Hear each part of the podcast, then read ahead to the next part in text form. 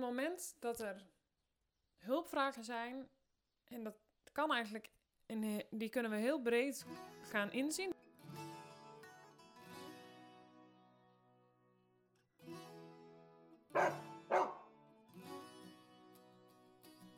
Dus hulpvragen die gaan over mijn hond is snel gestrest, schiet snel in de opwinding, is een kip zonder kop, hij is overenthousiast, hij gaat overal naartoe. Maar juist ook wel als we het hebben over angst, de hond is snel bang voor dingen en ehm, reactiviteit, overmatig blaffen in huis, ehm, al die hulpvragen, dan um, stel we zouden een één op één traject gaan doen samen, dan is een van de dingen die we gaan doen is de leefstijl aanpassen. En dat doen we niet zozeer omdat dat enkel de oplossing is voor de hulpvraag, logischerwijs. Maar toch is dat wel vaak wat we zien, hè? want ik zie met regelmaat dat we zeggen, ja, nee, maar de hond is overprikkeld en daarom doet hij zo. En dan, nou ja, wat je bijvoorbeeld moet doen is minder doen met je hond en dan, uh, dan, komt, dan kom je er wel.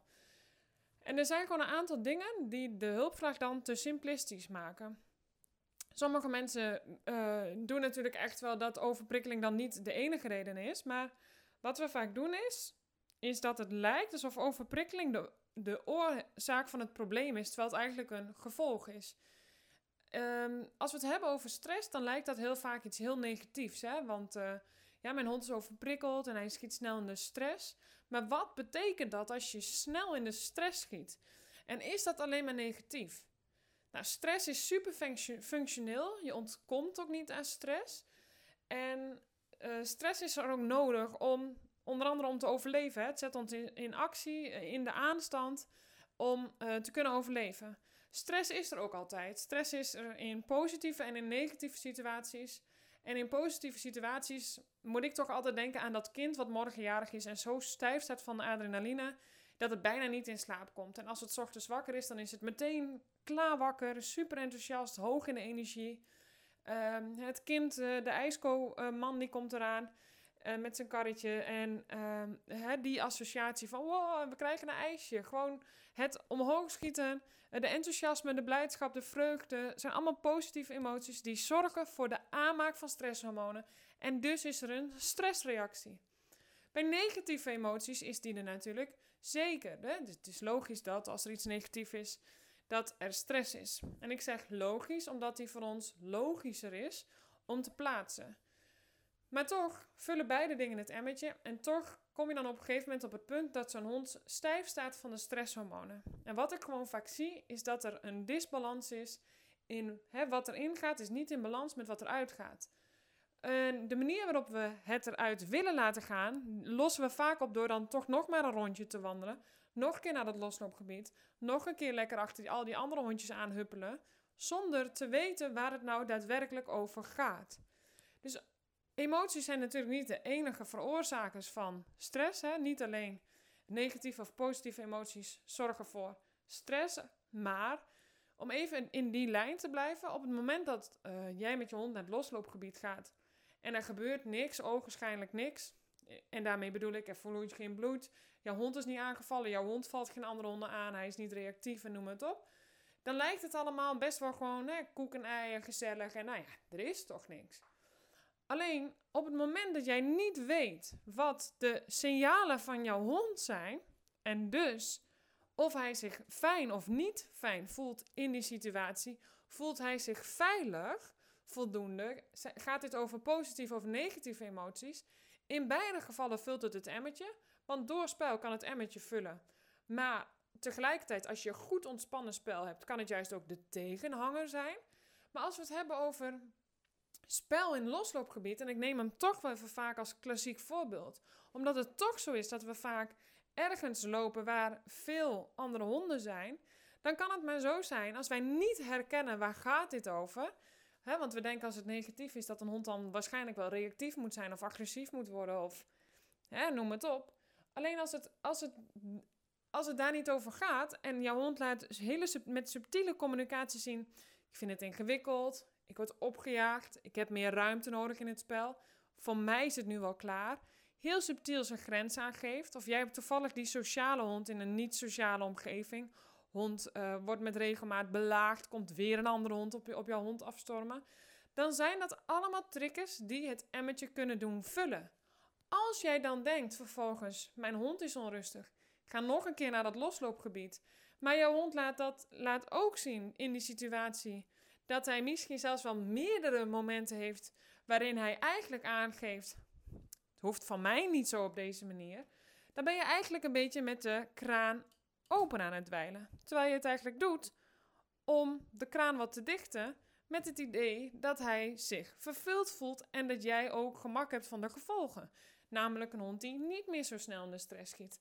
Namelijk een hond die zijn rust kan vinden. Die, namelijk een hond die beter met jou in verbinding is omdat hij meer rust heeft.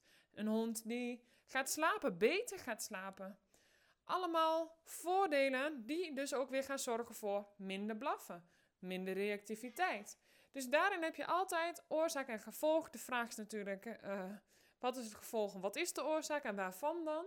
Maar dit is gewoon even een klassiek voorbeeld waarin je vaak ziet dat die en niet helemaal begrepen wordt, denk ik, maar ook waarin we ook oplossen met de verkeerde dingen. Dus er leven gewoon een aantal opvattingen. En we gaan er vaak ook, hè, we stappen een klassiek in met z'n allen. We hebben een hond, hond moet uitgedaagd worden, want nou, het is wel een actief beestje, vrolijk beestje. Gezellig naar een losloopgebied, want daar, hè, hij moet wel socialiseren. Uh, het is, heeft hij nodig. Een hond moet spelen met andere honden. Een hond is een sociaal dier. Hij heeft interactie nodig. Uh, maar we doen eigenlijk op de eerste plaats heel veel activiteiten die te weinig voorzien in de etologische gedragsbehoeften van de hond. Wat heeft een hond nodig om zowel lekker in zijn vel te zitten, als wel ook zijn natuurlijke gedrag te kunnen uitoefenen, zodat dat niet meteen de restrictie is waar op de eerste plaats al hulpvragen uit kunnen ontstaan. Alleen wat we vaak zien is dat we denken als we moeten voorzien in zijn behoeften, dan zie je toch vaak, ja, maar je moet ook meer met hem doen, meer met hem wandelen. En dat lijkt natuurlijk heel mooi, maar daar kun je nog best wel diep op ingaan. Want wat is dan meer wandelen? Wat betekent dat dan? Wat betekent meer doen? Want als je meer gaat doen door te blijven lopen in dat losloopgebied en die tak blijft gooien en die, die bal blijft gooien, ja, is dat zinvol? Is dat zinvol voor het systeem van je hond wat hij nodig heeft om in die basis iets te veranderen voor de hulpvraag die jij hebt? Dus natuurlijk is het zo dat op het moment dat er een hulpvraag is, eh, dan heb je de veroorzaker van stress. Even zo gezegd. Positief, negatief, daar wil je naar kijken. Waardoor raakt dat emmertje gevuld? En hoe kunnen we ervoor zorgen dat dat uh, op een andere manier uh, gebeurt? En in, in het geval van negatieve emoties, hoe kunnen we ervoor zorgen dat die omgedraaid worden? Alleen, ik denk dat als je in de basis wilt kijken naar de hulpvraag die je hebt, wil je ook beginnen met de basis, namelijk ervoor zorgen dat de hond weer leerbaarder wordt. Want als die leerbaar wordt, kun je met je negatieve leerervaring aan de slag. En leerbaar worden betekent het stressniveau verlagen. Nou, dat is wat we doen in de cursus Challenge Your Dog. Waar ik het. Um... En in die cursus leer ik jou gewoon: hey, hoe kun je nou die basis gaan veranderen op, op de eerste plaats, maar ook hoe voorzie je dan in die etologische gedragsbehoeften van je hond? En hoe weet je nou wat die behoeften van je hond zijn? Dus daarmee tackle ik eigenlijk ook een beetje de, klassieke ideeën die we hebben over onze hond. Ja, ik heb een actieve ras, dus hij moet veel wandelen. Uh, mijn hond is nooit rustig in huis, dus ik wandel nog maar een rondje. Ik ga nog een keer naar dat grasveld. Ik ga nog een keer ballen gooien, frisbees gooien, nog een tak gooien. Um, zonder te weten, is dit voedend of vullend? Want wat we willen is, we willen geen vullingen aanbieden, we willen voeding aanbieden, zodat de hond er wat aan heeft, zodat jij er wat aan hebt en zodat de hond ook balans ervaart, maar vooral ook gewoon oprecht tevredener en gelukkiger zal zijn, omdat hij meer wordt voorzien in zijn behoefte op de juiste manier. Die dus, zoals ik net al zei, verder gaat dan, ja, rent hij wel voldoende, kan zijn ei niet kwijt. De vraag is, wat heeft een hond nou echt nodig om goed te kunnen functioneren? En zoals je hoort zijn er dan gewoon een aantal factoren die daarbij een rol spelen. De manier waarop wij kijken naar de behoeften van een hond. Wat heeft hij nodig? De manier waarop we zeggen, ja dan moet je meer doen met je hond. ook, dat advies kun je misschien ook wel eens krijgen van anderen. Ja, het is logisch dat je uh, hond zo doet, hè? Want, nou ja, want hij krijgt ook veel te weinig beweging. Maar wat is te weinig beweging krijgen? Wat betekent dat? Wat betekent meer doen? Wat betekent minder doen? Waarvan ga je dan meer doen en waarvan ga je dan minder doen? Dat zijn best wel cruciale vragen. Want meer en minder, dat zijn natuurlijk enorme containerbegrippen. Wat, hè, wat betekent dat? Dus hier kom je op de inhoud. Natuurlijk kom je hier op een stukje maatwerk, maar je komt hier wel ook bij een stukje basis. Je hebt de hond. En dat je de hond als soort zijn en dat je daarin, dat je daarop kan inspelen en dat je vervolgens het op maat kan gaan maken. Nou, in mijn cursus Challenge Your Dog ga ik dat met jou doen. En tot en met donderdagavond 21 september kan jij je opgeven. En heb ik er ook een masterclass bij. Waarin we die balans gaan opmaken. Zodat jij ook een plannetje krijgt. En een idee hebt van, hey, hoe kan ik dit nou voor mijn hond dan op maat maken? Wat heeft hij dan nodig? Wat betekent dat? Wat houdt dat in? Zodat je ook daarna goed concreet aan de slag kan gaan met de hulpvraag voor jouw hond. Als ik zeg je kan aan de slag gaan met de hulpvraag voor jouw hond, dan betekent dat dus vooral dat je heel erg je kan gaan focussen op die basisverstevigen. Dat is de allereerste plek. Met resultaten als beter slapen, meer rust, minder hyperactiviteit, overenthousiasme, kip zonder kopgedrag, minder blafferig, minder reactiviteit, minder trekken aan de lijn, minder snel uh, omhoog zitten, minder snel in de stress schieten, meer verbinding met jou, sneller in contact komen met jou. Noem het op wat er gevolgen zijn. Ik heb echt, weet ik hoeveel reviews waar dit echt de basisdingen zijn die je terugkrijgt. Waarin uh, er zijn ruim 3500 deelnemers die deze cursus al hebben gevolgd. En deze resultaten zien. Dus als we het hebben over mentale uitdaging, hè, de cursus heet Challenge Your Dog, met het idee daag je hond uit. Maar dan is wel de vraag, wat betekent dat? En daar gaan we heel inhoudelijk op in. Dus natuurlijk, uh, hersenwerkjes zijn super belangrijk. Maar hersenwerkjes doe je niet enkel om je hond uit te dagen met het idee dat zal wel leuk en gezellig zijn. Tuurlijk, is het ook. Heel leuk en heel gezellig. Alleen, het heeft ook een doel. Je wilt, op, je wilt je gaan richten op herstelbevorderende activiteiten, zodat jij de balans opmaakt tussen hé, hey, wat gaat erin en wat gaat er dan uit? En hoe krijgen we daar dan balans in? Zodat dat emmetje niet de hele tijd nou, laten we zo zeggen, op het moment dat er bepaalde hulpvragen zijn, is de kans zeer aanwezig dat dat emmetje chockvol zit of overstroomt.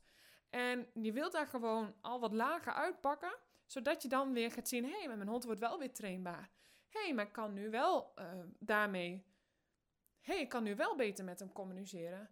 Hey, ik kan nu wel tot hem doordringen. Dus je pakt ook iets heel essentieels op als je het hebt over ik wil werken aan het welzijn van mijn hond. Dat vind ik belangrijk. Dat staat bij mij voorop. Dat hij lekker in zijn vel zit. Dat zijn welzijn voorop staat. Je wilt de hond zien. Dan is dit een heel belangrijke factor. Zodat je begrijpt dat je continu die balans moet opmaken. Dat is niet een kwestie van nou we doen dat een dagje en dan zijn we er wel. Ja, dat mag je toch wel een beetje vergelijken met, met kinderen. Als je een drukke dag hebt gehad, zijn bijvoorbeeld de hele dag eh, bij de opvang geweest. Dus hetzelfde voorbeeld. Cortisolniveau is dan vaak heel erg hoog. En omdat ze daar lang zijn, is het cortisolniveau krijgt eigenlijk niet echt een punt om te dalen. En wat je vaak ziet is dat ze dan die dag daarna niet echt te harde zijn. Dat ze niet echt gezellig zijn, moe zijn. En dat je denkt, ja, weet je, er ontstaan misschien bepaalde hulpvragen uit, maar het idee is hetzelfde. Het emmetje heeft geen kans gehad om te kunnen herstellen. Wat je vaak ziet is dat de melatoninespiegel, die is lager. En dat zorgt weer voor slechter slapen, moeilijk in slaap komen, eerder wakker worden, vroeger wakker worden, minder diep en lang slapen. Allemaal factoren die ehm, maken dat stress dus zo'n superbelangrijke rol speelt. Maar dat, wat heeft jouw hond nou echt nodig? Ja, ik denk dat je daar een hele belangrijke pijler hebt op het moment dat je aan de slag wilt met de hulpvragen van je hond. Je kan je dus opgeven tot en met donderdagavond 21 september 2023. En als je je nu opgeeft, krijg je er een bonus masterclass bij. Die wordt verzorgd op maandag 25 september in de avond om 7 uur. Als je daar niet bij kan zijn, is dat helemaal geen probleem, want je ontvangt de opname in je mailbox. Dus je kan hem gewoon terugkijken. En je ontvangt ook nog een andere bonus masterclass. Dat is een masterclass waarin we nog dieper ingaan op wat is mentale stimulatie en hoe zorg je daarmee in het algemeen ook voor meer rust bij je hond. Wat is nou eigenlijk zo belangrijk om aan je hond te geven? En daarbij ontvang je ook nog als bonus een zevendaagse challenge met uh, activiteiten die je kan gaan doen met je hond. En het geeft je gewoon leuke input om samen aan de slag te gaan met je hond. Hoe dan ook, superleuk dat je naar deze podcast hebt geluisterd. Mocht je nou nog vragen hebben, stuur mij dan gerust even een mailtje. Bij deze podcast zet ik nog even een aantal gegevens neer, zodat je makkelijk kan terugvinden wat je nodig hebt.